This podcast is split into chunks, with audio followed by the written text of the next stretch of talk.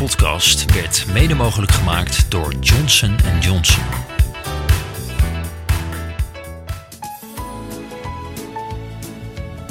Welkom bij de podcast, de orthopedische podcast waar wij voor jou tot op het bot gaan. Beste luisteraars, welkom weer bij een nieuwe aflevering van de podcast. Deze aflevering zal wat anders in elkaar zitten dan u van ons gewend bent. In deze kerstspecial spreken we de veelzijdige makers van de podcast over het verleden, het heden en de toekomst. Dingen die ons zijn opgevallen in het verleden en ons hebben gevormd tot de jonge specialisten in het bewegingsapparaat, oftewel de orthopedische chirurgen van de toekomst. Zonder gelijk te pretentieus te worden, is het goed om de jong professionals te vragen om een mening en visie op de toekomst. En dat zijn vandaag de makers van de podcast. De podcast is eerder dit jaar begonnen nadat de vraag vanuit ons uh, moederbedrijf Orly Media kwam of we een orthopedische podcast wilden opzetten. En we zijn met een team van vijf begonnen uh, dit op te zetten. Het doel is tweeledig: het maken van de podcast die leerzaam en toegankelijk is voor mensen met enige orthopedische kennis. En het uitdragen van het vak orthopedie en de veelzijdigheid ervan. Mede om toekomstige collega's en andere jonge dokters te enthousiasmeren. Het team uh, bestaat dus uit vijf leden. Allereerst Abigail Cohen, Geboren in Voorburg, haar jeugd in Den Haag doorgebracht en daarna geneeskunde gestudeerd in Rotterdam. Ze doet haar promotieonderzoek in het Erasmus MC naar scafietfracturen en nu bezig met haar vooropleiding in het uh, Maastadziekenhuis. Goedenavond, Abby. Hi. Tweede lid van de podcast is Soufjan Kalai, geboren in Bilze in België. En na eerst industriële wetenschappen en industriële ingenieurswetenschappen te hebben gestudeerd in onder andere Hasselt, heeft Soufjan geneeskunde in Maastricht gestudeerd en is de opleiding tot orthopedisch chirurg in de regio Utrecht begonnen. En doet zijn PhD vanuit het Zuiderland met onderzoek in de Capri Research Group naar de Different Tibial Baseplate Modalities. Goedenavond, Soef. Goedenavond, Joost en de rest. Uh, en dan Noortje Rietstra, geboren in uh, Amsterdam, opgegroeid België, Chicago, Breda, gestudeerd in Groningen. En dat het dan ook geen wonder is dat ze promoveert, promoveert aan het Erasmus MC op het World Coach Consortium op zoek naar de relatie tussen heupmorfologie en het risico op ontwikkeling van artrose. Goedenavond Noor. Goedenavond Joost. En dan Zeker niet last en ook niet least. Thomas Egge, geboren in Heerlen, gerezen in Helmond, geneeskunde gestudeerd in Nijmegen. Een persoon die de orthopedie ademt. Een organisatorische duizendpoot waar de lijst met extracurriculaire activiteiten zelfs in het lettertype 8 meer dan anderhalf A4 beslaat. Op dit moment bezig met het laatste stuk van zijn opleiding in de regio Oost in het Rijnstaten. Goedenavond Thomas. Goedenavond Joost. Nou, en dan uh, gaan we natuurlijk ook hebben over onze host van vanavond, Joost Kuipers. Hij is geboren in Rotterdam, getogen in de Achterhoek en heeft gestudeerd in Rotterdam.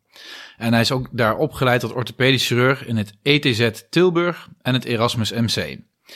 Heden is hij bezig met een fellowship wervelkolomchirurgie in het Erasmus MC en begint volgend jaar het mooie team te versterken in het Isala ziekenhuis op het gebied van spinale chirurgie en traumatologie. Waarvoor gefeliciteerd Joost. Ja, thanks. En tevens is Joost de veroorzaker van deze bende van ellende, want daarom zitten wij bij, met z'n allen bij elkaar. Ja, goedenavond nogmaals allemaal. En ja, het is dus iets anders dan normaal. En dan denk je van ja, is het, is het leuk om uh, met elkaar uh, te reflecteren op... Uh, op het jaar, maar ook op wat je bezighoudt. Nou, dat leek me eigenlijk wel een goed idee. En het idee was dan ook om in een zaaltje in een restaurant tijdens een diner een beetje ja, wat, uh, wat egaars en wat chic te doen. Maar ja, we kunnen deze illusie natuurlijk laten bestaan. Maar zoals je misschien op de achtergrond hoort, hoor je een uh, van een kind dat moet gaan slapen.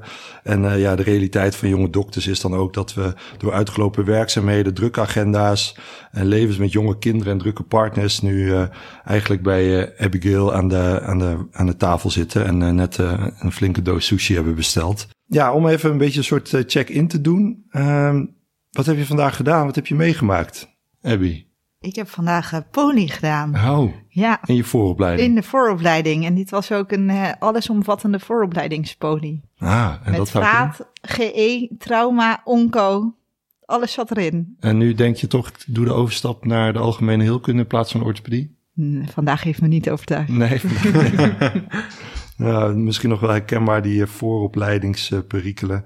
Thomas, hoe zag jouw dag eruit? Ik had uh, ook poli, poli, poli. Ah. En uh, ja, 32 mensen mooi voorbij zien komen met ups en downs, zou ik maar zeggen. Um, maar het mooiste is wel, uh, ik heb nu uh, sinds kort eigen programma's. En het is dan toch ook wel mooi dat dat uh, de vruchten afwerpt als je dan een klein meisje terug ziet komen. En die is helemaal gelukkig met haar uh, tenpennetjes in haar arm. Mm -hmm. En dat ze het zo leuk heeft gehad op de OK, omdat we er toch een klein feestje van gemaakt hadden. En dat maakt mijn dag. Eh, en eh, ja, daardoor krijg je toch wel weer een kleine op, eh, opkikker eigenlijk. Ja, Ja. Dus, dus dat is de groei. hè, Je laatste fase van je opleiding. Steeds meer verantwoordelijkheid en zelfstandigheid. Ehm, hoe, hoe, hoe loopt dat dan? Ben je daar, wanneer weet je dat je daaraan toe bent? Zo tegen het einde? Ehm, nou, je gaat natuurlijk steeds meer zelf doen. En de operaties samen met je staflid, die, die gaan steeds vloeiender. En op een gegeven moment zeggen ze dan van, nou, ik zit in de hoek. Of, eh, nou, ik zit in de koffiekamer, bel me maar als het er niet uitkomt. En op een gegeven moment zeggen ze dan, eh, ja, ik denk dat het tijd is voor eigen programma's. Eén, omdat het ons uitkomt. En twee, omdat de mogelijkheid er is, omdat het wel moet kunnen. En dan de eerste dag is dan wel heel erg spannend. Eh, tot in de puntjes voorbereid. En eh, ook alle plan B, C en D. Wat als het niet goed gaat. Ehm, en als dat dan gelukkig goed gegaan is, dan, dan ja, levert dat veel energie op. Maar is wel heel spannend, kan ik je vertellen. Ja, dat, ja. Ja. al het begin is spannend en eh, lastig. Hoe zag jouw dag eruit, Noor? Ja, ik, ik durf eh, na dit verhaal van Thomas eigenlijk niet meer te vertellen hoe mijn dag eruit zag. Ik ben namelijk een kind van twee die als allerlaatste op mijn poli stond vergeten en ben naar de overdracht gegaan. dus dat is eh, misschien nog een beetje beginnerspirikkelen waar, waar ik tegenaan ben gelopen vandaag. Maar verder in de ochtend geopereerd en in de middag dus traumapoli gedaan die verder goed is gegaan. En eh, dat kind en de vader zijn uiteindelijk ook wel tevreden naar huis gegaan. Maar dat was een kleine, dat was een beetje mijn blooper van de dag. Dat je je people skills maximaal moet eh, aanspreken. Ik heb ja, volledig aan moeten slingeren om dit, eh, om dit recht te breien. Maar goed, het is uiteindelijk goed gekomen. Ehm, ook dit kind was erg blij met zijn tentpennen in, in de onderarm. Dus eh, dat herken ik wel. Ehm, maar ja, het was een goede vooropleidingsdag. Hoe, ehm, dus Thomas zit wat meer op het einde van zijn vooropleiding. Jij, eh, of van zijn vooropleiding, van opleiding, excuus Thomas. Eh, Allemaal en- prima. Ja, ja. Het voelt als hetzelfde. En, Noor- en, en Noor had aan het begin. ehm, klopt het dat je aan het begin echt een beetje bezig bent met overleven en dan soms wel eens een beetje de mens achter de patiënt vergeet? Eh, Omdat je zo bezig bent met het ge- gedoe of het gedoe. Het... Oh nee, nee, nee, dat herken ik eigenlijk helemaal niet. Ik was meer. ehm, ik vond het eigenlijk vooral heel spannend om bij de heelkunde te gaan werken zonder dat ik eh, daar ooit als ANIOS had gewerkt. Dus ik had van tevoren juist meer wakker gelegen van jeetje, weet ik iets van die buiken? Hoe ga ik dat doen als ik straks voor het eerst alleen op de spoed sta? Eh, hoe moet ik dat allemaal voor me zien? En misschien omdat ik er zo tegen keek dat het eh, alleen maar enorm heeft meegevallen. En ehm, nee, ik vind juist dat je, eh, omdat je toch wel echt zieke patiënten hebt, dat je juist helemaal niet de, de patiënt vergeet. Ik vond dat eigenlijk misschien wel meer confronterend dan mijn tijd als ANIOS bij de orthopedie. Ja, Dus eh, nee, ik zie dat wel anders. nou, mooi gezegd. Vind je dat dan nog spannend? Wat, wat precies? Ik vind wel veel dingen spannend, dat zeker. Maar waar, waar duid je precies op? Nou ja, eh, als ik voor mezelf spreek tijdens de vooropleiding, dacht ik echt, iedereen om me heen gaat dood. Dus ik was echt bang om mensen ja, verkeerd te behandelen. Nou, dat, dat is ook heel grappig dat je dat zegt. Dat had ik dus de eerste week. En eh, ik vond dat ik er juist heel snel achter kwam eh, wanneer mensen wel en niet Dat ze niet zo snel doodgaan. dat mensen eigenlijk niet zo snel doodgaan. Maar dat je wel heel goed. eh, en ik heb de, de luxe gehad, om het zo maar te zeggen. Dat mijn eerste zitoproep plaatsvond om tien uur 's ochtends op dinsdag. Toen iedereen er was. Toen ik rustig. Het was tijdens de grote visite, dus ik kon rustig alle stappen doorlopen. Zitoproep is spoedinterventieteam. Ja, precies. Dus dat ik de IC moest bellen, dat iemand voor mijn ogen eh, septisch werd. Ehm, en dat je één keer zo'n ervaring hebt gehad en juist eh, in de meest acute situatie nog steeds merkte van ik heb tijd om dingen goed te regelen. Ehm, dus ik ben er eigenlijk inmiddels na twee maanden een beetje in gerustgesteld. Maar nou, moet niet overmoedig worden. En eh, hoe zag jouw dag eruit, Soef? Nou, ja, we hebben natuurlijk eh, levens gered weer vandaag. Eh kinder, kinderorthopedie bedreven, dus ik had vandaag een OK-dagje. eh, waar we een aantal kinderen geopereerd hebben aan eh, standscorrecties van eh, de benen. Dus ja, een hele leuke dag, een hele leerzame dag. Eerste keer dat ik het eh, doe. En eh, ja, wel mooi. mooi. Nou, goed om te horen. Ik had de opbouw, ehm, zoals we het gaan doen, het stukje verleden, heden en eh, toekomst. Was eh, benieuwd, hè, wat, wat, heeft je gebracht totdat we hier ja, met z'n allen aan tafel zitten als eh orthopedisch chirurg eh, van de toekomst, om het maar even zo te noemen. Ehm, wat, wat was jouw, ja, waarom ben je orthopedie gaan doen, Soef? Goh, lastige vraag. Ehm, want er is niet echt een heel duidelijk antwoord op van waarom nu precies dat gekozen te hebben. Ehm, het meeste eigenlijk, eh, om het verhaal niet te lang te maken, wat ik dan ook bij mijn sollicitatie heb gebruikt toevallig, was... ehm, Altijd goed. ja, Altijd. altijd heel goed. Ehm, mijn grootouders zeg maar, zijn als migranten naar uh, België gekomen. Die hadden in principe eigenlijk heel weinig kansen, kansarm. Mijn ouders zijn heel kansarm opgegroeid. En ik had alle kansen. Dus ik mocht doen zeg maar, wat ik wou. Mhm. Um, om eigenlijk te laten zien of om te ondervinden waar dat je heel goed in bent en dat ook verder te gaan doen. Als het dit niet was, had ik piloot kunnen worden of uh, het maakte eigenlijk allemaal niet uit. En door die vrijheid te ervaren, zeg maar, in contrast met wat ik van mijn ouders en mijn grootouders ken, dat zorgt eigenlijk voor een bepaalde drive eigenlijk van ik wil doen waar ik denk dat ik goed in ben. Dus, uh, ja, dat mooi gezegd. En uh, dat technische, dat lag jou altijd al wel, hè? Want dat Ja. zag ik terug in je cv. Nou, En, ehm, en hoe komt het dan, hoe, die overstap, wat was het nou ook alweer? Moet ik het even goed zeggen hoor. Ingenieurswetenschap. heb ik Ja, ja, ja, dat was heel chic klonk dat inderdaad. Tof. en hoe, hoe kom je dan naar, over naar geneeskunde?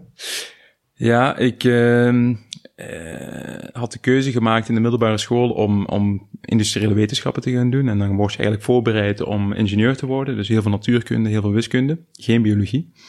Maar gaandeweg werd ik toch wel een beetje verleid door de verhalen van een, een rolmodel in mijn leven. Dus mijn oom, die dan SJA-arts was in België en dan op de mug zat. Dat is eigenlijk een Ah, soort ja. van ambulance Een dienst. medische urgentie of zoiets? Ja, ik weet ook niet waar de gever staat, maar eh, medische urgentie. Ja, precies. Dus wel medisch wel en geneeskunde, dat is wel een beetje dubbel, maar goed. Ja. Ehm, en die had altijd hele, hele mooie verhalen. En daardoor dacht ik van, ja, dat, dat wil ik ook. En dan een beetje gaan inventariseren van hoe kan ik dan ook geneeskunde gaan doen. Ja, leek niet de makkelijkste weg. Maar eh, uiteindelijk dus wel in Maastricht kunnen beginnen. Dus dat was ook de reden voor dan die overstap te gaan maken, inderdaad. Een merendeel van de Hollanders of Nederlanders gaat richting België om daar te studeren. Jij hebt er vanuit België ben je naar, naar Maastricht gegaan. Ja, dat is een beetje een generatiekloof, denk ik. Ah, oké. Want dat... ehm, Maar gewoon oud bedoel je bent gewoon, ja, je wordt er weer met je neus op de feiten gedrukt. Ja, ja, thanks Hoef. Maar eh, vroeger was het inderdaad heel veel zo dat mensen naar België gingen. Eh, omdat ze dan hier een lotingssysteem hadden. Mhm. En in België kon je eigenlijk vrij aan de eh, geneeskundestudie beginnen. Maar het eerste jaar was een soort van selectiejaar. Dus heel vaak zag je ook dat de Nederlanders na één jaar het allemaal niet haalden. Of allemaal, dus gechargeerd. en dan weer misschien toch een, eh ingelood werden in Nederland of iets anders gingen doen. Ah, ja. En nu heb je in beide landen wel een toelatingsexamen. In Nederland was dat dan decentraal, wat ik in Maastricht heb gedaan. Ja. En in België had je best wel een pittig toelatingsexamen. Hmm. Dus zodoende. Helder. Mag ik iets eh, vragen, Soef? Ja. Want jij bent dan, ehm, eh, ja, ik denk dat jij misschien bovengemiddeld goed kan, ehm, nou ja, misschien kan inschatten wat het heeft gekost eh, voor generaties eigenlijk, zodat jij nu kan doen eh, wat jij graag wilt doen. Kijk je dan wel eens om je heen, want dat valt mij namelijk soms op, dat mensen steeds meer zeggen van, eh, nou ja, dat de work-life balance niet goed is. Of ik hoor ook co-assistenten vaak zeggen van ja, een leven in het ziekenhuis, dat is niet voor mij, want ik, ik wil graag meer vrije tijd hebben en meer tijd voor mezelf. Denk je, heb je daar dan een, een mening over? Want ik kan me voorstellen dat jij misschien wat dankbaarder bent voor eh, de kansen die je zijn gegeven. Nou ja, daar, daar zeg je wel iets terechts inderdaad. Want ik heb vaak wel een beetje een dubbel gevoel gehad bij eh, de work-life balance, waarvan ik altijd wel op de voorgrond stond om wel harder te werken dan minder hard. Dat zit gewoon een beetje in je, denk ik. Ehm, maar dat zie je over het algemeen bij het profiel van een AIOS orthopedie. Zie je dat bij de meeste mensen wel terug. Dus daarin zag ik niet echt een groot verschil met de rest. Ik denk dat iedereen wel een aanpakker is en graag aan de slag wilt gaan. Ehm, maar ja, zeker, inderdaad. Het voelt soms wel een beetje nutteloos als je er niet... ehm, als je de keuze soms om, om, om live voor work te zetten op sommige momenten, dat kan soms wel een beetje dubbel aanvoelen, inderdaad. En Thomas, wat eh, hebben mensen jou wel eens afgeraden om eh, orthopedisch chirurg te worden? Nou, afgeraden is misschien een zwaar woord, maar er zijn wel, eh, eh, ja, dat is één iemand, mijn vader, eh, die, ja, die ken jij misschien ook wel, hè? Mijn vader is orthopeed geweest eh, vroeger en jouw vader ook, Joost. En die heeft wel ehm, gezegd van, god, denk er goed over na, eh, voordat je überhaupt dokter wordt en eh, misschien ook wel orthopeed. Want eh, mensen denken vaak van, oh ja, arts worden is de droombaan die er is. Maar er komt veel meer bij kijken dan dat. Het is niet alleen maar werken als dokter. En ik denk dat wij dat langzaam allemaal een beetje ervaren. Ik, ik tenminste wel. Het is veel meer dan alleen maar van... nou, ik ga nu die, die patiënt met artrose helpen... of die fractuur bij dat kind behandelen. Eh, er komt veel meer bij kijken. Er komen managementtaken bij kijken. Er komt onderwijs bij kijken. Er komen soms ook financiën bij kijken... waar je nul van af weet. Eh, er komen heel veel extra taken op je af. Eh, je moet er soms ook wel dingen voor opgeven, heb ik het idee, om te kunnen worden wat je wil worden. Mhm. Dus, de, en, dus ik snap steeds meer waar dat advies vandaan kan van, goh, bedenk je echt van waarom je dit wil. Dus echt afgeraden, nee, maar wel een, een, ja, een, een goede eh, vraag gesteld. Ik weet niet hoe dat bij jou was, vanuit jouw thuissituatie. Nou ja, ik heb altijd gezegd, ik werd al dokter net als mijn pa. Dat vond ik al vreselijk, want iedereen zei, oh ja, dat doe je omdat je vader het is. Toen heb ik altijd heel hard verkondigd, wordt alles behalve orthopeed. Ja, misschien moet je meer kijken van de dingen die je zegt, die, dat ga ik nooit doen. En dat, je, dat dat het meest bepaalt wat je over vijf jaar doet. Ja. Eh, ja, uiteindelijk dan, ja. ja, dat is eigenlijk best gek, want mijn zusje wordt ook orthopeed. Oh, dus ja, echt ja, in dezelfde regio ook. Oh, echt? Oh, Ja. Ja, bij ons thuis ging het er nooit eigenlijk over het vak. We waren al naar Doetinchem verhuisd voor het werk van mijn pa. Dus toen, eh, ik wist ook eigenlijk niet wat het inhield totdat ik de Marco-schappen ging lopen. Oh ja, nee, wij krijgen nu een, een ortho-kwartiertje. Als Oh. wij met z'n allen bij ons thuis zijn, Ja, eh, dan eh, klaar. krijgen wij een kwartier om over orthopedie te praten en daarna moeten we aan ons mond houden. Ja. Dat is wel- Ja, nu, nu gaan we het er ook verder niet over hebben, Precies, want prima. anders wordt het zo'n zeven vinkjes verhaal. Ja, precies, dat, moeten we eigenlijk niet doen. Dat willen we eigenlijk niet. Nee, nee, Ja. nee, exact. Dus, Ik ben blij dat wij ook nog aan tafel zitten. ja, ja, Toch? Hou, hou ons tegen, want de oude Ja. mannen willen praten. Een kwartiertje is voorbij, eh, mannen. Abby, Abby wat, ehm, wat dacht jij dat het eh, vak eh, orthopedie inhield voordat je begon? Waar, eh, ja, je kiest voor een vak, maar ja, ik wist ook eigenlijk niet zo goed wat het inhield toen ik begin. Hoe was het bij jou? Of dacht je al gelijk, ja, eh, duidelijk orthopedie? Bedoel je toen ik... Gewoon toen je überhaupt de ke- keuze ging maken om in de orthopedie verder te gaan. Voordat ik dat ging doen... Ja, ik heb eh, mijn kooschap orthopedie gedaan, Mhm. maar ik heb nooit geanios bij de orthopedie. Mhm. En AJOS nog in de vooropleiding. En dus wat- wat met name gebaseerd op, de, Ja. Nice. Wat was, ehm, wat was de reden ehm, dan tijdens je coachschap dat je zei, nou, dit is echt, echt geweldig? Nou, ik denk dat ik me daar thuis voelde. Ja, dat toch een soort gevoel is dat je denkt, Warm oh hier? Ja. dat je denkt, oh hier pas ik echt in. Ik twijfelde tussen trauma, chirurgie en orthopedie. Ik vind bewegingsapparaat heel leuk. Eh, en ik voelde me gewoon echt thuis bij de orthopedie. Ja, mooi. Dat, het is wel herkenbaar en mooi dat je het zei. Is het voor jullie meer herkenbaar? Ik zeg het ook wel eens tegen co-assistenten. Kan- Kijk nou eens, kijk eens gewoon naar de mensen die er werken en of je je er een beetje relaxed bij voelt. Want dat is ja, toch bepaalde karakters trekken naar bepaalde vakken. Ja, vind ik toch wel opvallend dat je bepaalde types, niet om al, iedereen is hetzelfde, maar bepaalde karaktereigenschappen zie je wel meer terug. Zie je dat ook bij de orthopedie en is dat dan hetgeen wat je dan aantrekt tot een vak? Of is dat een observatie die ik alleen doe? Het wordt wel steeds diverser, denk ik. Ehm, maar toch, als je naar de essentie kijkt van, van wie zit er en wat definieert een persoon, zeg maar, dan zie je toch wel heel veel gelijkenissen, inderdaad. Dat is wel grappig, want we, tijdens mijn kooschappen zat er een, eh, een, een klasgenootje, zeg maar, en die wou typische gynaecoloog en die wou ook heel graag gynaecoloog worden. En die zei, ja, we moeten de stigma's doorbreken. Daar ben ik helemaal voor, zeg maar. Stevig in je schoenen staan, ja, want het is daar best wel een concurrentiestrijd binnen de gynaecologie, begreep ik.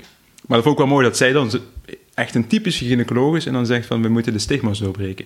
En eigenlijk vind ik dat wel een hele mooie, dat heb ik ook altijd meegenomen naar de koorschappen, van we moeten inderdaad ook die stigma's doorbreken. Nou, Wat zijn bepaalde stigma's dan binnen ons vak? Jij. de zeven drinkjes. Ja, Ja, nou ja, mannen. klopt. Ja, jawel. Ja, als je nou, een beetje naar bolwerken, mannenbolwerken in het ziekenhuis kijkt, en, ehm, en dan is de orthopedie er wel zeker één van, ja.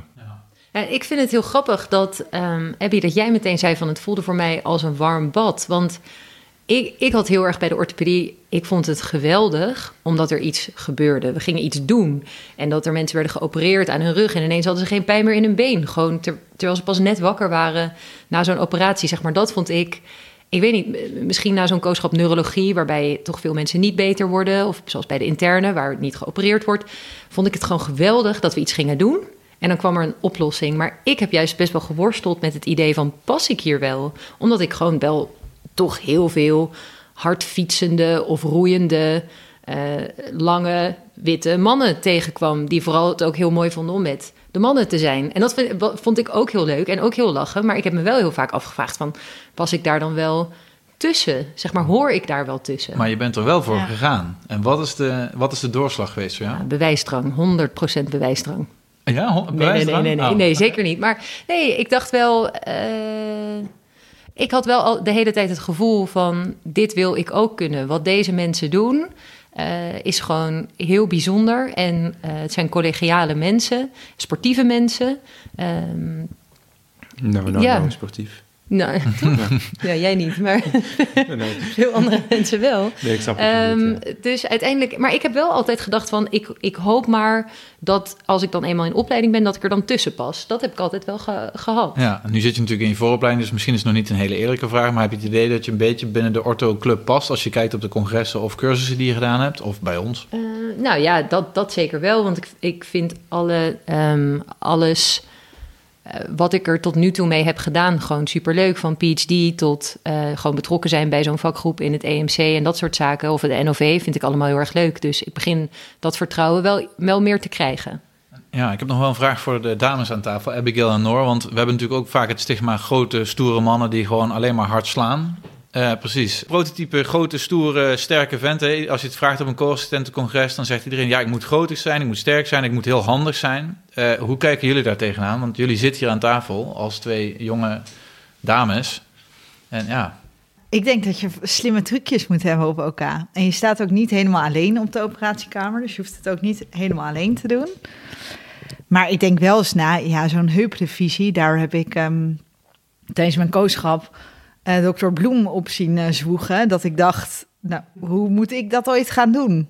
Dus als nu iemand aan je me vraagt, zie je dat doen? Dan denk ik wel, nou, Meer uh, scafoïdfracturen. nou Lekker op een krukje opereren. precies. Ja, lekker op heerlijk. ja, dat is wel het voordeel Nee, van orthopedie natuurlijk. We Ik- zijn heel breed. Dus Ja. je Ja. kan heel veel kanten op. En Mm. naast de heup, dat was het enige waarbij ik echt dacht... nou, ik weet niet of je dat als vrouw kan doen. Maar dat komt ook omdat ik geen ander voorbeeld heb dan, dan hem. En ik zag ik zwoegen op zo'n heup en eraan trekken. Nou ja, die is heel wat groter dan dat ik ben. Ehm, ja, maar voor de rest denk ik dat het allemaal wel kan. Hm. Ja, mooi. Dat denk ik ook. Ik en dan denk hoef ik ook echt niet alleen scafoïd te opereren. En het is ook niet meer allemaal. vanwege je promotie, hè? Niet omdat ik jou alleen met kleine potjes zie werken. Zeker omdat ik vrouw ben. Het kleinste bordje. Ja, ja. Ja. Het is ook niet meer alleen maar opereren. Hè? Het, is, Nee. eh, het is niet alleen maar de fotobanden en opereren, denk ik. Dus dat, dat maakt ook dat je een breder publiek kan aanspreken, denk ik. Nou, Ja, mooi. Dat is, ik denk dat dat ehm, een mooie afsluiter is van het stukje hè, nou ja, verleden. Of wat brengt je tot, dat je, tot waar, waar je nu bent? Of waar wat dacht je dat het zou zijn? En ja, om dat even naar het heden te halen. Wat is hetgeen wat je op dit moment het meest bezighoudt, eh Noortje? Ja, vertel al een beetje over je, over je vooropleidings... eh, nou ja, perikelen, dat is wel weer zwaar uitgedrukt. Maar ja, ik vroeg al net of je aan het overleven was. Nou, zei je nee, ook niet. Ik ben nu juist meer bezig met de patiënt. En dan dat ik misschien bij de, bij de orthopedie was, nu bij de heelkunde. Ik denk dat dat ook wel een deel van het doel is van de vooropleiding. Maar gewoon, eh, voordat ik te veel ga invullen, wat houdt je bezig? Ehm, nou, in, in alle eerlijkheid eh, houdt mijn werk me wel meer bezig dan wat dan ook. Dus ehm, eh, ik denk dat, ik, dat er meerdere dingen zijn. Ik vind het ook moeilijk om één antwoord daarop te formuleren. Maar ehm, Noem maar drie. Maar, noem drie. Oké, eh, de eerste waar ik heel erg mee bezig ben is... ehm, en wat ik ook heel leuk vind... ik doe nu heel veel trauma, want ik zit in mijn traumastage. Dus ik sta elke dag met een van de vier traumachirurgen op de OK. En ik probeer heel erg te letten op... wat doen zij nou anders en waarom? En daar gewoon een beetje die dingen van mee te pikken. Dat is de eerste.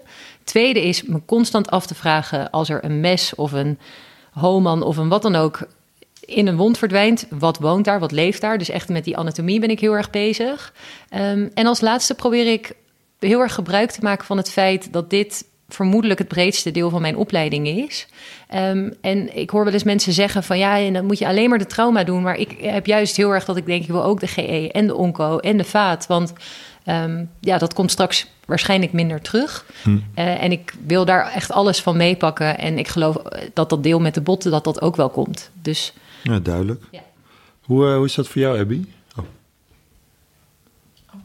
Eh, wat mij nu bezighoudt. eh Ja. ja. nou dat is met name mijn eh, dochtertje, denk ik toch? yes. Nou, was Ja. de reden. Ik was zo blij als, als jullie allemaal over werk gingen. Dan denk ik, ja, het is ook een beetje over work-life balance. noem Dus je me ben- nou saai, Ik Joost? ben echt beleid, eh, ik ben blij, Box, eh, Abby, dat jij tenminste als eerste je dochter bent. Ik denk dat jouw klushuis komt wel naar boven. Of- Dat is ni- niet van belang nu. Oh, later Daar, daar heb je op Ja. dit moment geen tijd voor. Even niet, nee. Nee, maar je dochter, heel goed, heel goed, Ja. zoals het hoort. Ja, die is nu eh, vijf maanden. Oh, nice. En ehm, oh ja, mag, mag ook een top 3 maken als je wil. Of Ehm, 1, 2, 3 1, dochter. 2, 3 is eh, Dochter. dochtertje. Ah, oké, heel goed. nou, oké, perfect. En daarna komt eh, werk. Ja, nou ja, perfect. Ja, Eh, nee, dat antwoord. is wel... eh, ja, ik denk dat een kindje krijgen dat toch wel een... Heel, ja, je balans ineens heel anders wordt, Ja, merk ik. hoe, ehm, hoe is dat? Wennen. Ja, Ik ben nu eh, twee maanden weer aan het werk na mijn verlof. En het is wel wennen. en ehm, Wat dan? ja, ja, ik ben... Een hele nieuwe balans vinden. Ehm, ja, je, wij maken natuurlijk heel lange dagen. We gaan eigenlijk vroeg weg voordat ze wakker wordt. En ik kom thuis als ze al slaapt. En dat is nog best wel wennen. En heb Om, je wel, ehm, eh, het idee gehad dat je iets eerder weg wilde? ja, Van, kon dat? Nou vandaag ben ik eerder weggegaan omdat mijn vriend dus in Krakau is. Daarom zitten wij nu bij mij thuis. Mhm. Dus ik moest daar wel ophalen van de crash. Ja, dat gaat gewoon als je eerder Oké, weg er is dus dan- ruimte voor om dat te bespreken en eventueel mogelijk te maken. Zeker, dan eh, lukt dat wel. Maar je kan natuurlijk niet elke dag eerder weggaan. En is het dan meer een gevoelsmatig iets? Of is het meer dat je de verplichtingen voelt nu van moeder zijn en daardoor ook verantwoordelijkheid over? Nee, echt gevoelsmatig. Gewoon dat je het wil. Niet zozeer dat nee, je je nee, nee, schulden... ik zeg niet dat niet het- zozeer dat je je schulden... Niet vanuit schuldgevoel. Dat kan natuurlijk... Het is niet dat ik me schuldig voel naar haar, maar... Ik bedoel niet zozeer de taakjes, zeg maar, maar Ja. meer zeg maar, over het algemeen. Eh prioriteiten in het leven, zeg maar. Ja. Dat die nu toch wel een beetje geshift zijn. Ja, die zijn, gewi- ja, die zijn geshift. Ja, Hm. Ja. voorstellen. Ja, goed om, te, goed om te horen. En ik denk dat het ook wel een logisch gevolg is. Ik, ik had ook nog wel een vraag aan, eh, nou, toevallig de dames die net aan het woord waren. Want ik weet dat jullie allebei in je vooropleiding zitten. Nou, je hebt dan nog net een kindje gekregen, super druk. Maar ik weet ook dat jullie allebei bezig zijn met een promotietraject. En dat vind ik echt bizar om dat tijdens je opleiding te doen. Dat vind ik echt eh, respectabel hoe jullie dat doen. Maar ehm, waar staat dat voor jullie? En moet iedereen promoveren? Want dat is ook een stigma. Ik denk zeker niet dat iedereen hoeft te promoveren. Ik denk dat je moet doen wat je leuk vindt. En ik denk dat wij, nou spreek ik ook een beetje voor, allebei zijn gaan promoveren omdat we dat leuk vonden om te gaan promoveren. Echt niet. Ja, ik dacht echt Nee, dat ik het leuk vond. Ja. En nu? En hoe denk je daar nu over? Ja, precies. Want Want, je dat is dacht eigenlijk de vraag. Ja. Want je hebt nu zeg maar een driehoek van thuis, Ja, leren werken ja. en promotie. Dat, ja, mijn ja. promotie staat wel op, van die drie op het laagste pitje. En dat gaat makkelijk of blijft dat toch een soort van zwaard van Damocles boven je hangen? Een zwaard van Damocles boven je hangen. Ja. En jij nog? Dat ik, ik bracht, eh, ja, zeg ik maar. bracht, eh, Maya ging eh, wennen op de crash, Mhm. twee keer twee uur. En in die twee keer twee uur heb ik in een koffiebar mijn artikel ingediend, omdat hij gereviseerd moest worden. Ja, bizar eigenlijk. Ja. Dus dokter, mama en promovendus. Ja, Zou je het aanraden? Nee, mama, dokter, promovendus. Ja, eh, de ja, volgorde. Ja, nee. Heel scherp. Ja. Je vriend is maar naar Krakau gegaan. maar. weggehouden. Dit wordt niks meer zo. Voor werk of eh, gewoon omdat Voor hij werk.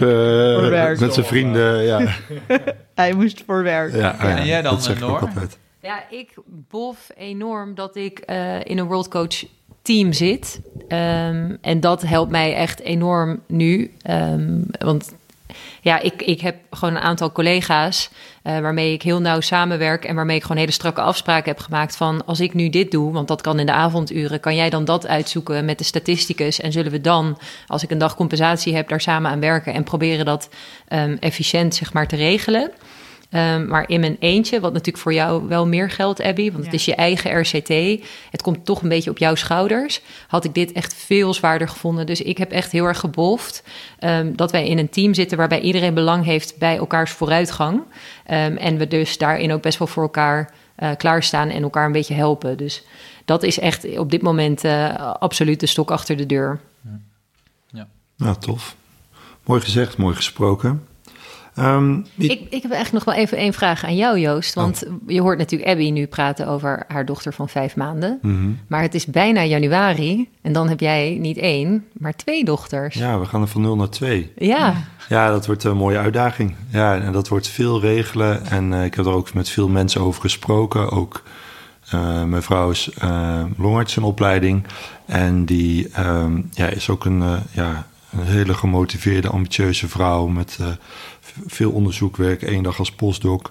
Ja, hoe je dat gaat regelen. En met de mensen waar ik erover sprak, waarvan het ook eh, twee mensen allebei dokters zijn met een eigen carrière, partners, is het gewoon veel organiseren en eh, hulp die je kan eh, inhuren of kan tot je neemt, dat zoveel mogelijk inschakelen. En het gewoon heel strak plannen. Strak plannen in. In de Liefdevolle van- manier. ja, ja, nee, ja. En, en, en gewoon zoveel mogelijk wat je kan regelen, regelen van tevoren. Zodat je jezelf niet. Want ja, de kans natuurlijk met twee medisch specialisten, twee dochters. Als alles al go- goed gaat en goed met ze is, is het al ja, super intens. Dus je moet ja, al zoveel mogelijk een, een, eh, het goed organiseren voor alle dingen die dan eventueel nog komen of onverwacht zijn, dat je dat dan kan opvangen in de reserve. En dat je niet al vanaf het begin in het rood zit, maar dat je ja, wel flink wat toeren aan het maken bent, maar dat je nog wel wat compensatie eh, hebt. Werken jullie allebei fulltime? Nee. Nee. En kunnen jullie Nou, dat... trouwens, nee, Ja. mijn vrouw werkt meer dan fulltime, want ze werkt eh 80% doet ze de opleiding en ze werkt eh 0, nee, ze werkt 85% eh, doet ze de opleiding met diensten en ze werkt 0,2 FT als, eh, als postdoc researcher. Bitter? Oh, ja. Blijft ze dat doen? Ja, Zo? Eh, nee. Ja, nee, ik weet ook niet hoe we dat voor elkaar moeten eh, Nee. boksen. Nee, precies. Dus nee, dat, ja, dat is een ontzettende uitdaging. En ook wel iets, hè, want ik hoor jullie allebei als jonge vrouwen praten. Ja, je bent, bent voordat je in je opleiding bent en een PhD, je bent natuurlijk gewoon ja, ouder dan. Nou ja, me- meerdere vrouwen, meerdere vrouwen krijgen natuurlijk op latere leeftijd hun kinderen tegenwoordig.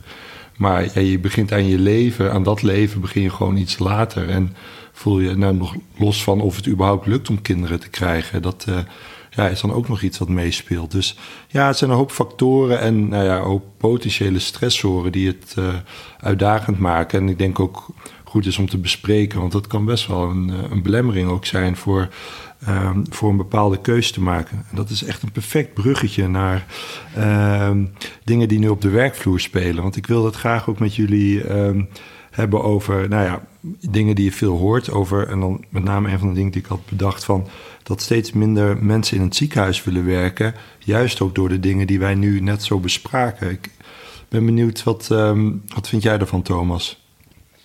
Nou, ik denk wel dat ehm, eh, hebben wij twee hebben dan het geluk dat wij meerdere generaties hebben kunnen meemaken van dichtbij. En ik denk ook als ik tijdens mijn kooschappen kijk naar de oudere eh, specialisten en nu ook binnen het vak, dat er wel hele grote generatiekloven zijn in over wat we belangrijk vinden.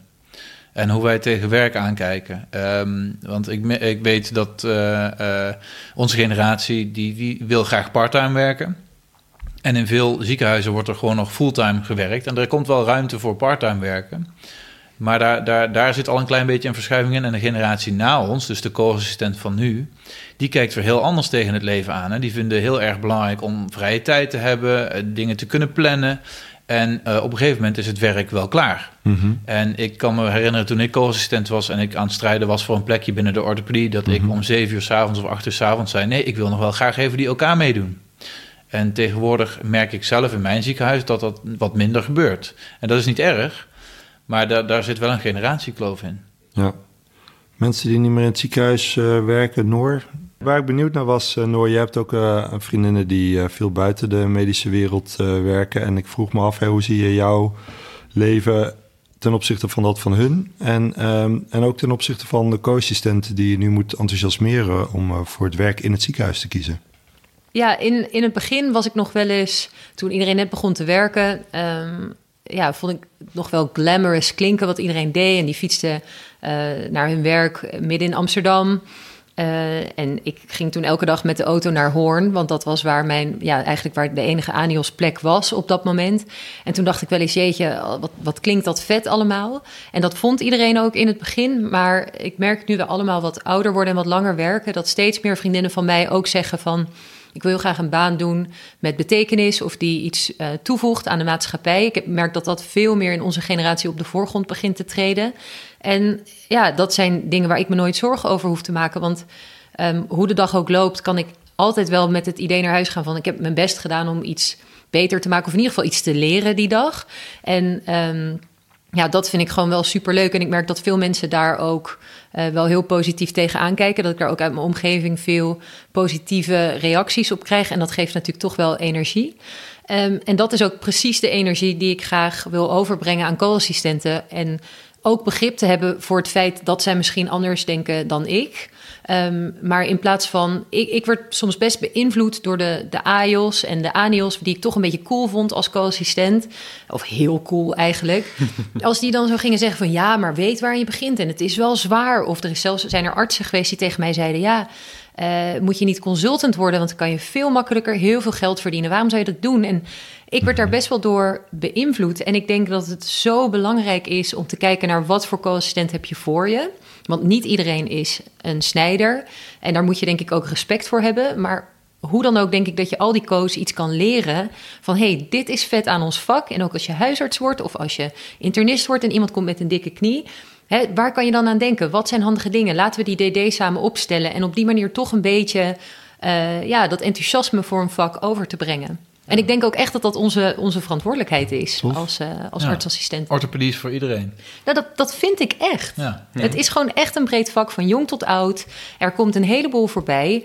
Um, en weet je, als iemand interesse heeft in infecties... nou, laat ze meegaan met de bespreking met een microbioloog. Als iemand interesse heeft in de revalidatie... ga een keer kijken wat je met, nou ja, weet ik veel... een uh, nou, wat ik ook wel belangrijk vind, wat je zei, is van, ja, wat ik eigenlijk uit je verhaal ook haal, is dat we eigenlijk ook een soort inspirator moeten zijn hè, voor de co-assistent. Want je bent naast orthopeed, ben je ook gewoon dokter. En iedereen is ergens een basisdokter. En dat kun je ook gewoon als inspirator zijn. En laten zien hoe je met patiënten met problemen omgaat. En, en 100 procent. En de belangrijkste opleider is iemand die enthousiast is. En wat ik net hoorde van uh, oudere collega's toen jij nog co-assistent was, was die dan zeiden van, uh, ja, uh, denk wel goed na hierover en weet dat het ook zwaar is en dergelijke. Dan, dan ben je niet iemand aan enthousiasmeren, zeg maar. En mijn vorige opleider die zei altijd van, ja, dat is de belangrijkste factor die een, die een opleider moet hebben, is enthousiast overbrengen. Uh, of iemand dat nu leuk vindt of niet, en daar kiest hij zelf mee wat hij er uiteindelijk mee doet. Mm -hmm. Maar als jij dat enthousiasme niet uitstraalt, dan... Ja, nou, mooi, mooi gesproken. Ja, er zijn nog twee onderwerpen die ik wel even wil, wil de revue wil laten passeren. Nee, het gaat met name over het burn-out uh, gehalte onder jonge dokters. Uh, onder, uh, ja, eigenlijk onder iedereen. Medisch specialisten, AIOS, ANIOS, co-assistenten. Um, is, dat, is dat een teken van de tijd? Of wordt er gewoon meer van ons gevraagd als dokter? En, is dat, en als dat al zo is, is dat dan alleen werktechnisch of ook de werk-privé-balans die we net al benoemden, zonder er het weer opnieuw het één onderwerp opnieuw aan te snijden? Ik denk werkinhoud dat dat uh, veranderd is. Werkinhoud? Werkinhoud, ja. Dat uh, de belasting van de administratie bijvoorbeeld, om een makkelijk voorbeeld te noemen, dat dat ervoor zorgt dat je minder zin hebt vaak, uh, als ik een leuke dag heb gehad, zeg maar, met boeiende casuïstiek en dergelijke, dan fiets ik naar huis. Ik fiets niet zo vaak, maar soms fiets ik naar huis. en dan denk ik van, goh, ze hebben me nog betaald voor deze dag ook. Dan kan je nooit vermoeid geraken. Ja, ja, ja. ja want een burn-out, dat komt van emotionele vermoeidheid en ja. niet zozeer van intellectuele of fysieke vermoeidheid. Um, en wat zorgt dan voor die emotionele vermoeidheid? Want je zegt ja, administratieve taken. Dan denk je, ja, ik ben blij dat ik gewoon een EPD heb waar ik veel moet invoeren, maar dat ik geen statussen door het hele ziekenhuis hoef te zoeken of foto's uit het archief. Precies. Ik ben dus niet meer uit die tijd dat dat moest, want ik word wel de oudste van de groep genoemd. Maar ook ik, ik heb met name, ik heb in één ziekenhuis nog met een papieren EPD gewerkt. Dat was ook drama. Ja, ja dat, dat kan ik me niet inbeelden. Ik heb één dag met de Higgs-overgang een dagje op papier gewerkt. Ik vond dat heerlijk. Uh, ja, dat zegt misschien meer wat over mij, maar uh, ja, een oude zin, ik weet het natuurlijk niet hoe dat eerder was, maar het feit dat wij best wel veel van onze dag, zeg maar, um, onze statusvoering net op die manier doen dat het allemaal klopt en dat het allemaal perfect is en dat, dat het, uh, dat vraagt gewoon best wel veel van iemand waar ik, waar ik persoonlijk niet zo heel veel zin in heb. Ja, is dat, wordt die mening gedeeld? Is dat de grootste drainer van emotionele energie, de administratie? Administratielast, Abby? Ik denk niet dat dat de grootste is, maar ik denk wel dat dat één ding wat is wat veranderd is ten opzichte van vroeger. Ik denk wel echt dat wij veel meer administratie hebben, want niet alleen het EPD, maar we moeten ook de DBC maken, de brief naar de huisarts. Ja. Het goede klikje, de, de fysiotherapie moeten we in consult vragen. We moeten veel meer zelf doen. Vroeger kon je volgens mij gewoon ook meer opdrachten geven aan iemand anders. En jou eh, lekker, wat hè? meer ondersteunde. Ehm, nou ja, daarnaast denk ik ook dat onze telefoon echt non-stop gaat in het ziekenhuis. Ehm, maar ik denk ook dat buiten het ziekenhuis dat het veranderd is wat we allemaal willen doen. Dus we willen niet alleen maar 100% werken, maar we willen ook nog onze vrienden zien. We willen nog sporten, we willen nog tijd hebben om ehm, met onze partner iets leuks te doen. We willen een goede moeder zijn. We willen gewoon veel meer. En dat past maar in alle uren in de week, want ja, we moeten ook nog slapen. Ik denk dat het normaler aan het worden is dat we op alle vlakken 100% presteren. Hmm. En dat heeft denk ik ook te maken met eh, hoe we naar elkaar kijken en hoe we ook elkaar kunnen zien. Hè? Op, op social media klinkt een beetje als een oude lul nu, maar ik denk wel dat dat meespeelt. Hè? Als ik zie dat iemand super gave vakantie heeft in New York, dan denk ik, oh, dat wil ik ook. Maar ja, ik heb maar vijf weken vakantie per jaar. Ja, hoe ga ik dat doen? Oké, misschien nog harder werken of eh, iets anders zoeken waarbij ik meer vakantie krijg. En naast dat je dus een goede dokter wil zijn, ik denk dat iedereen dat intrinsiek wel een beetje heeft als je geneeskunde doet, wil je dus ook nog eh, inderdaad de beste partner zijn. Je wil ook nog de beste vriend zijn. Je wil ook nog voor jezelf eh, o- opkomen en af en toe, eh, weet ik veel, een yoga-sessie doen om tot rust te komen of zo. Maar ja, dat eh, Ik zie het je is doen. lastig. Ja, ja, je ziet het je doen, ja. zie je meer, meer als een type van hot pilates. Ja. Hot pilates Thomas, doen, een hot pilates. Twee minuten stilzitten is lastig. Ja, oh, mooi. Ja. Ja, eigenlijk ja. En dat is nog een onderwerp wat ik graag wel wilde bespreken met jullie. En dat is ook omdat er... eh, het recent kreeg ik het ook doorgestuurd van... Ja, we moeten daar niet te veel over het onderwerp zelf. Maar er is een eh, orthopedisch chirurg in, eh, in de hoofdstad... die werd breed uitgemeten dat hij door ongepast gedrag... uiteindelijk mocht vertrekken. En ehm, mijn vraag is... Hè, en er zijn natuurlijk in diverse eh, werelden is daarover gesproken. De modewereld, eh, de, de, de, hoe heet het, eh, Televisieprogramma. de, dank je, televisieprogramma's. dat er ongepast gedrag en de hashtag MeToo. En dat als dat, als dat luik zou opengaan in de medische wereld... dat er dan wel van alles los zou komen. En ik ben erg benieuwd. En ik, ik, heb, ik merk het ook. Er worden echt best wel wat... ja, bijzondere opmerkingen gemaakt. Ehm, maar mijn ervaring is van, eh, jullie dat, ervaren jullie dat dagelijks? En misschien, ja, dat is de, neiging om eerst naar de vrouwen eh, te wijzen, omdat als man heb ik het niet zo gauw door. Of ik ben de oorzaak van het probleem, dat kan natuurlijk ook. Maar ehm, ik was gewoon benieuwd wat, eh, wat de ervaring is over ongepast. En dat kan niet, hoeft alleen niet seksueel overschrijdend gedrag, maar ook gebruik van autoriteit of van machtsmisbruik. Wat jullie ervaring daarmee is. En snappen dat jullie allemaal in afhankelijkheidspositie zijn, omdat jullie nog in opleiding zijn. Maar losgezien van dat. Ik denk dat het ook wel eens leuk is om dat aan een man te vragen. Oh, mooi. Ja. Tom. En- Ja. Wat precies? nou ja, het gaat denk ik niet alleen over eh, wat je net zei, niet alleen over seksueel overschrijdend gedrag, maar Mhm. ook over eh, autoriteit gebruiken of eh, gewoon ongepo- ongepast gedrag, Ja. Eh, wat zich in allerlei vormen kan uiten. Wat niet per se man-vrouw hoeft te Ik zijn, heb het denk ik. idee, Joost, aan hoe je de vraag stelde, dat dat dus iets is wat niet per se voorkomt. Huh?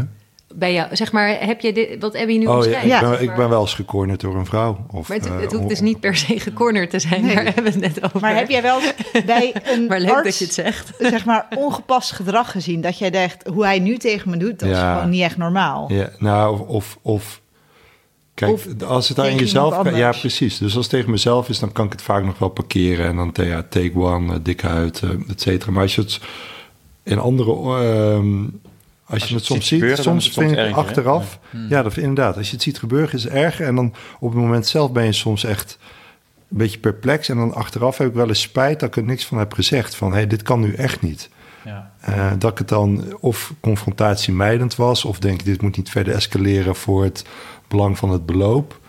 Ehm, ja, dat is het de afhankelijkheidspositie waar je dan toch ook mee te maken hebt? Ja, ja, dat zou ook goed kunnen. Ja, ik, ik voel dat, ondanks dat het voor mij wat minder nog van toepassing was, omdat ik mijn opleiding heb afgerond dan voor jullie. Maar ja, op een of andere manier ben je altijd afhankelijk van iemand. Maar aan de andere kant ben je ook weer niet zo afhankelijk als je ze soms voelt. Dat klinkt een beetje dubbel. Ik heb als AIOS ook wel eens echt... Ja, ik ben zo afhankelijk en dan besprak je dat. Ja, maar hè, de opleiders en dit. En, maar ik denk, ja, als iets niet goed is... dan is het gewoon niet goed, onafhankelijk van je positie. Maar soms eh, kun je er ook even over nadenken. Hè? Dus eh, ik heb ook wel eens gehad dat ik dacht van... wow, wat, wat is er nou net gebeurd? Eh, Was dat echt?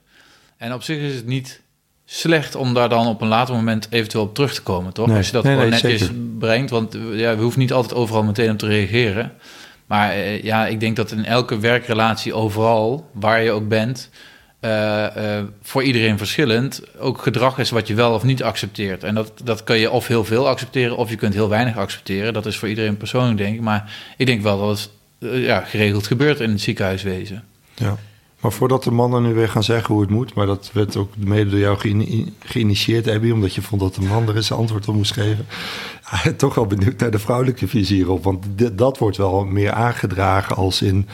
eh, nou, wat wel een voorbeeld die ik langs hoorde komen... van dat de co-assistenten hun cupmaat op het eh, whiteboard moesten zetten... en die mochten dan poli doen met een bepaalde specialist... en dat soort schrijnende gevallen. Dat, dat, dat gebeurt helaas gewoon. En ehm, ja, Ja, die heb ik ook al voorbij horen komen. Nee. ja, echt bizar. Oh, dat, oh.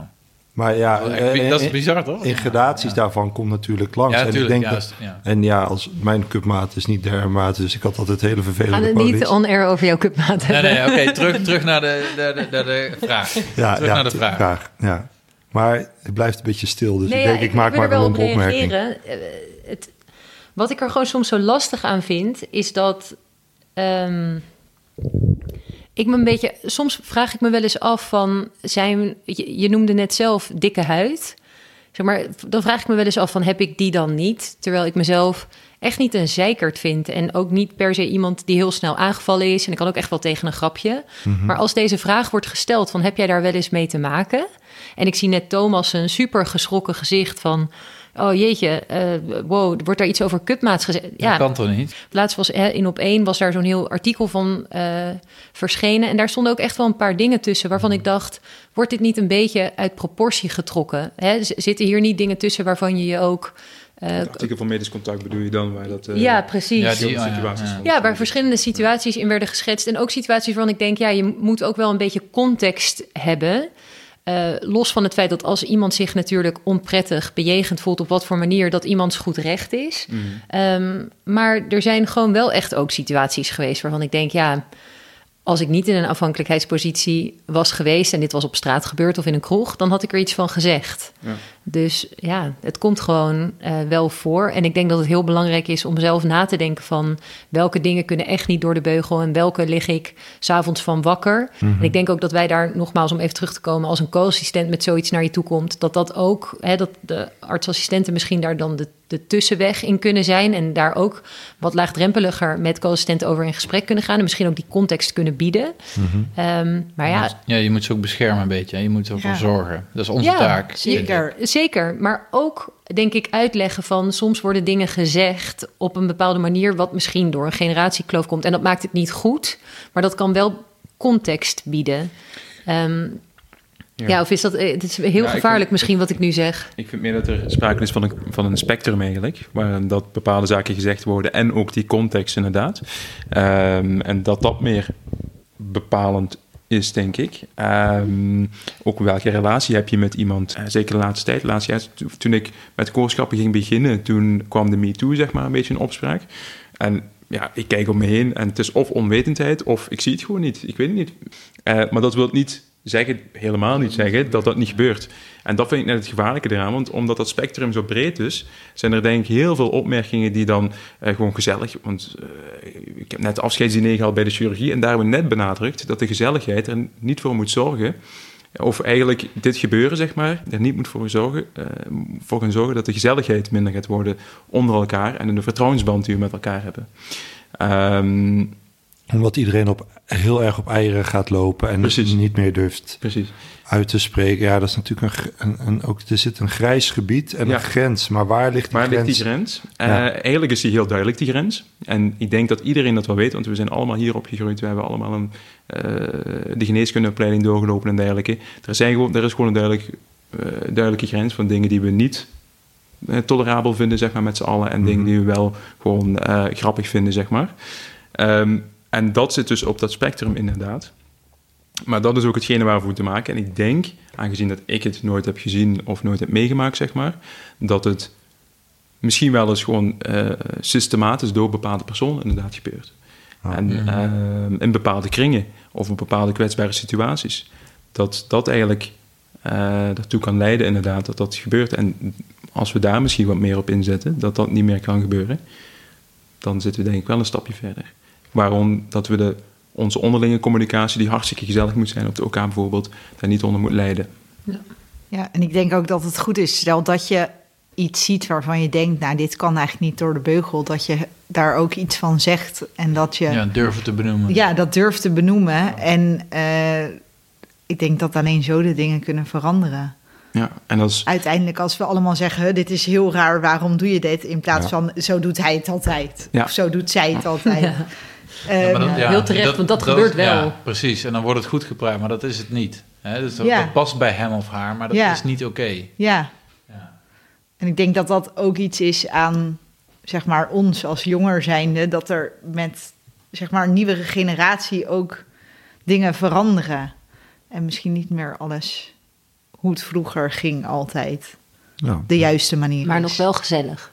Oh, zeker. Oh, zeker. Nog wel Ja. gezellig. maar ook zonder Ja, dat is schuldwerking kan het gezellig zijn. werkplezier. Dat is juist, het moet juist heel gezellig blijven. Ja. Juist gezellig. Ja, Ja, nou mooi. Dus we kijken, niet, we kijken deels terug naar het verleden van hoe het vroeger niet ging en hoe het nu is. Eh, maar gaan we ook een stukje naar over de toekomst.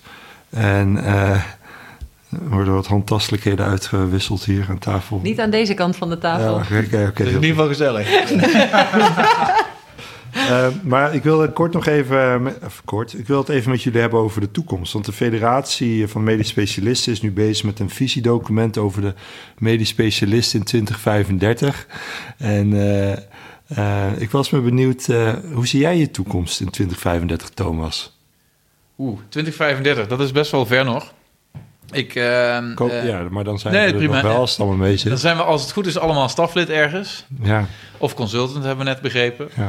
Maar Er wordt eh, naar Noor gekeken, maar... ik, eh, ik hoop eigenlijk, eh, kijk, eh, ik hoop eigenlijk dat de orthopedie dan eh, zichzelf nog wat beter geprofileerd heeft. Wat, wat, eh, wie we zijn als orthopeden en wat we graag willen neerzetten. En ik hoop eigenlijk ook dat we dan nog steeds mensen blijven in- inspireren om orthopeed te worden of überhaupt dokter, zeg maar. Mhm. Ehm, en ik hoop eigenlijk dus dat, dat de discussies die we eigenlijk vanavond gevoerd hebben over werk-privé-balans en over wat wel en niet door de beugel kan en gelijkheid eigenlijk, dat dat wat meer allemaal in lijn komt en dat we elkaar daar beter in kunnen vinden. Dat hoop ik eigenlijk. Want nu is dat soms nog lastig, blijkbaar. En zie je problemen voor in 2035? Eh, nou ja, wat- je dus nu op de korte termijn ziet, waar, wat ik wel een beetje door Nederland zie, is dus dat, dat er een dreiging is dat orthopedie misschien uit de ziekenhuiswereld eh, stapt en meer naar privéklinieken gaat. Dat, eh, ik denk dat de balans belangrijk is, dus dat we wel in het ziekenhuis blijven staan, maar dat er ook ruimte moet zijn om in privéklinieken te, te opereren, om eventueel wachtlijsten weg te werken. Dat is een probleem. Ik zie ook dus de terugloop van animo voor aniossen in het ziekenhuis, voor elk specialisme, waaronder ook orthopedie. En ik denk dat we daar met z'n allen ook hard ons best voor moeten doen om mensen te blijven inspireren, dus om toch eh, specialist te worden. Eh, en dat is iedereen zijn taak die in een ziekenhuis werkt of in een kliniek. En ehm, door praatjes te houden, door de co-assistent mee te trekken naar iets leuks. Door te zeggen van, joh, eh, vind jij dit leuk? Wat, wat kan ik doen om jouw co-schap fantastisch te maken? Los van of je orthopeed wil worden, ja of nee. Ik denk dat dat dingen zijn waar we met z'n allen voor moeten waken en, en ons best voor moeten blijven doen. Zoals wij dat nu eigenlijk met z'n vijf ook proberen te doen. Nou, geweldig. Mooi gezegd. Heeft iemand daar wat aan toe te voegen? Wordt hier instemmend eh, geschud Ja. of geknikt? Ik ben het er eigenlijk wel mee eens. Ja, goed gezegd. ja Ik ben het er zeker. wel mee eens, ja. Nou, mooi. Duivelse dilemma's. Ik denk dat het een mooi moment is eh, met deze ja, stichtelijke woorden om eh, verder te gaan naar de duivelse dilemma's. Eh, Vast eh, thema waarin we elkaar wat eh, dilemma's gaan eh, voorleggen. En jullie hebben er een aantal voorbereid. Dus ja, wie, wie gaat als eerst? Ja, ik, ik ben al de hele dag heb ik hier zin in, in dit moment. Mag ik beginnen? Ja, ja, zeker. Moet ik ze stellen aan iedereen meteen? Ja, ja, ja ga los. Oké, we beginnen met ik Sofian. stuur, ik stuur wel bij waar nodig. Oké, Sofian. Gratis barista koffie op het OK-complex. Dus echt Starbucks. Je kan alles kiezen wat je wil. Of altijd gratis thuisbezorgd tijdens de dienst. Goh, ik ben niet zo van dienst, dus leven zou wel makkelijker worden, zeg maar, met lekker eten. Maar eh, ja, daar kies ik toch wel voor, ja. ja. Dus ik, kan, ik kan prima een dagje eh, normale eh, ziekenhuiskoffie drinken en dan s'avonds wel een lekkere koffie. Oké, hij gaat voor thuisbezorgd. Oké, Joost. Zodra je een beleidsgesprek gaat voeren, ga je met een accent praten. Of je moet altijd dansend de polykamer binnenkomen. Oh, sowieso dansend de polykamer binnen. Je zou er nog mee wegkomen ook. Sowieso. Nee, ja, ik sta op elkaar ook altijd te dansen om mijn benen een beetje los te schudden. Dat Dus, zijn eh, zonder narcose. Dan krijgt de Oh patiënt- ja, nee, maar het hele team. Ze vragen ook wel eens als ik een keer stilsta, is er wat mis met je? Vraagt de röntgenlaborant dan. Ze meestal sta je toch te dansen op de muziek. Ja, om mijn benen een beetje los te schudden. Dus zeker dansen. Ja, thanks. Niet, niet duivels genoeg. Nee, zeker niet. Oké, nou Easy. misschien lukt het bij Abby. Abby, ehm, elke nieuwe patiënt die je gaat zien, moet je opnieuw een isolatiepak aantrekken. Dus elke polypatiënt, iedereen op de zaal, elke OK, moet je helemaal omkleden. Of, ik weet toevallig dat jij binnenkort gaat trouwen, maar dat moet dan op elkaar klompen. Zo'n mooi dilemma. Ja, dit. Zo, ja, dit is wel- ja. Ah, ik ga trouwen op elkaar klompen. Je ziet die schoenen toch niet. Heel Nice. goed antwoord. Oké, dan als laatste. Oh, sorry, wil je nog iets zeggen? Ja, ik dacht ook, ook van je partner dan natuurlijk, hè? Hij moet ook op elkaar klompen. Ja? Ja, Ja. Voor de foto. Dat zou leuk zijn. Oké, dan eh, Thomas. Yes. altijd op blote voeten over het OK-complex lopen. Of nooit meer een mondmasker op tijdens de operatie. Dus ook als er wordt gedetubeerd, ook als je een revisie knie staat te doen. Eh, blote voeten. Oké. Weet je, ik, ik word ook wel dokter Spetter genoemd hè, bij die kniespoelen. Dat gaat alle kanten op. Komt dat, door je, komt dat door je looks? Komt dat door je looks, ja, dokter Spetter? Oké, wie, wie heeft een mooi dilemma voor Noor Dr. bedacht? Spetter. Ehm, Ja, Noor heeft de lat wel echt heel hoog gelegd met, eh, met haar dilemma's. Ja, ik wil, ik Ik wil ben- opnieuw. Ja. ja, Maar we krijgen we opnieuw bedenktijd, zeg maar? Nee, hiervoor? nee, Want, nee, eh. Oké, ik heb... eh, ja. Zo, ja? Oké, Noor, we weten dat jij best wel fit bent, hè? Oké, Ach, bedankt dan. daar gaan we. Ehm, Mentaal of fysiek? beide, denk ik. Oh, Oké, ja, heel goed. Veilig antwoord. Ehm, Oké, ehm, nooit meer crossfit of nooit meer heupen tikken? Nooit meer crossfit. Ja, nooit meer crossfit. Ik kan altijd nog hard lopen. Dan heb ik er ook eentje voor Noor. Noor, voor de rest van je leven elke dag dezelfde outfit? Of altijd een bad hair day? Oh, dat is wel... Jaw-dropping, jaw-dropping voor Noor. Dat is wel evil. Ehm, aangezien ik door de OK-kapjes, die ik toch wel dagelijks op heb nu, ik heb ermee leren leven, dus ik ga voor, voor altijd de bad hair day. Ja, maar moeilijke. Goeie, goeie vraag. En eh, Thomas, en we weten allemaal dat jij ehm eh, voet-enkel orthopedie heel erg leuk vindt. Dus altijd ongewassen voeten of altijd verkeerd ingeschoten foto's? Oh, damn. Ja, ik vind voeten eigenlijk best wel smerig. Ja, kijk, de pathologie vind ik leuk, maar oh, damn. Ehm, ja, dan maar vieze voeten. Ik heb er toch af en toe wel een paar tussen zitten. Is prima. Ja, Oké. Zet je er ook een vo- voetenbadje op je OK, zodat ze een beetje kunnen borrelen? Of in de wachtkamer al? Dat ze, gaat eerst maar even spoelen in de wachtkamer. Precies, even, even het sodabadje. Ja, Zo dat precies. badje inderdaad, ja. En Joost, een toekomst zonder AI of een toekomst, toekomst zonder camper? Oh, oh, dat is een goeie. Ik denk een toekomst zonder camper wel. Ja? Zo, die had ik Ja. niet verwacht. Ja, dus een camperbusje, daar ga ik heel gauw... Maar, maar ja, er komt wel weer een nieuw eh Kan campertje. altijd een grotere kopen. Ja, inderdaad, dat zal waarschijnlijk wel nodig zijn. Maar toekomst zonder AI, nee, we hebben het er vandaag niet over gehad. Maar, en ook niet in de, over de toekomst. Maar eh, dat gaat wel echt een belangrijk onderdeel spelen. Hoe dan ook. Ik heb er nog wel één voor Soef. Ja, ehm, Vlaamse friet of Franse friet? Nou, jullie noemen de Vlaamse friet die hele dikke, toch? Ja, Die dikke Die patat dingen. Patatten. Ja. Ja, dat is niet lekker. Maar de Vlaamse friet, zoals ik ze in, Vlaanderen eet, die staan wel boven alles. En dat, Oh, zijn, van die dunne. Dat zijn de dunnere. Oké, En dat, ja, is dat ja. wat wij Franse friet noemen? Ja, ik heb de term Franse friet, dat ken ik alleen van die McDonald's frietjes, zeg maar. French fries. Oké. Dus eh, ja, dan is dat de Franse friet inderdaad. Van het kot. Van het kotje, Van net. het kotje. Ja, ja, ja, ja. Ah, mooi. Dus die schoot dus alleen aan Hollanders voor als die in Vlaanderen... eh, Precies. Ja, dat is in de leftovers, zeg maar. Die, die, Holland- die Hollanders spelen toch al eens naar binnen. Dus Ja, ja, precies. Ja. Gefrituurde schillen gewoon. Ja, Ja, precies. mooi. Moet allemaal snel gaan. Eh, ik heb er nog eentje. eh, voor eh, Joost. Uh-oh. Eh, nooit meer opereren of nooit meer aan auto's klussen. Oei. Het is eigenlijk een beetje... Het, nee, het is niet hetzelfde. Eh, ja, dan nooit meer aan Ah, auto's een auto heeft ook een ziel, hè? Ja, zeker. Maar dan nooit meer aan auto's klussen. Ik vind opereren wel echt eh, te mooi. Te mooi, hè? En Abigail, ehm, altijd haasten voor de crash en net niet te laat zijn, maar dat iedere dag. Of altijd buiken beoordelen bij de chirurgie voor de rest van je carrière. Oh. Zo, dit is een moeilijke. Ja, altijd haast is ook niet leuk. Maar eh, ik zou helemaal niet voor de rest van mijn leven buiken willen beoordelen. Dus, Ja, daar ga ik dan voor. dat laatste Dan maar, te laat, dan maar maar, haasten eh, voor de crash. Mooi. Ik, ik heb er ook nog stiekem toch nog één voor Joost. Ehm, dit is een beetje gebaseerd op jouw toekomstige eh, carrière.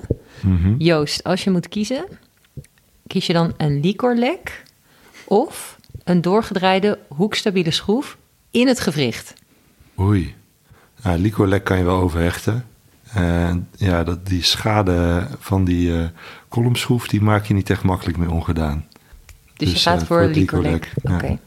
Nou, dat was makkelijker dan ik had gehoopt. Ja, nee, ja. Jammer. Hij, denkt er- er ook zo pragmatisch over na. Ja. Ja, ja, precies. Een voorbeeld voor ons allen. Ja. Thomas, ik heb er nog één voor jou. Oké. Geen enthousiastelingen meer voor de orthopedie. Dus eh, nieuwe jonge mensen die enthousiast zijn. Of geen vaste plekken. Oh, oh, ja, ja, ja. ehm. Nou ja, jobhoppen komt wel vaker voor. Geen vaste plekken. Ik wil enthousiaste mensen. En de Nou, laatste heb ik dat- nog voor jou. Nou, nee, ik vond dit wel eigenlijk een mooie, hele mooie om af te sluiten. Want ehm, eh, ik wil jullie allemaal bedanken. Het was een beetje spannend hoe het concept zou gaan. Ik denk dat eh, we mogen terugkijken op een leuk, eh, leuk verhaal, vinden wij zelf. Dat is natuurlijk maar aan de luisteraars om dat te bepalen. Ehm, ik wil jullie in ieder geval hartelijk danken eh, voor dit gesprek en vanavond. En eh, de luisteraars ook hartelijk bedanken voor het luisteren. En eh, tot de volgende podcast. Dit was de podcast. Dank voor je aandacht en graag tot de volgende aflevering.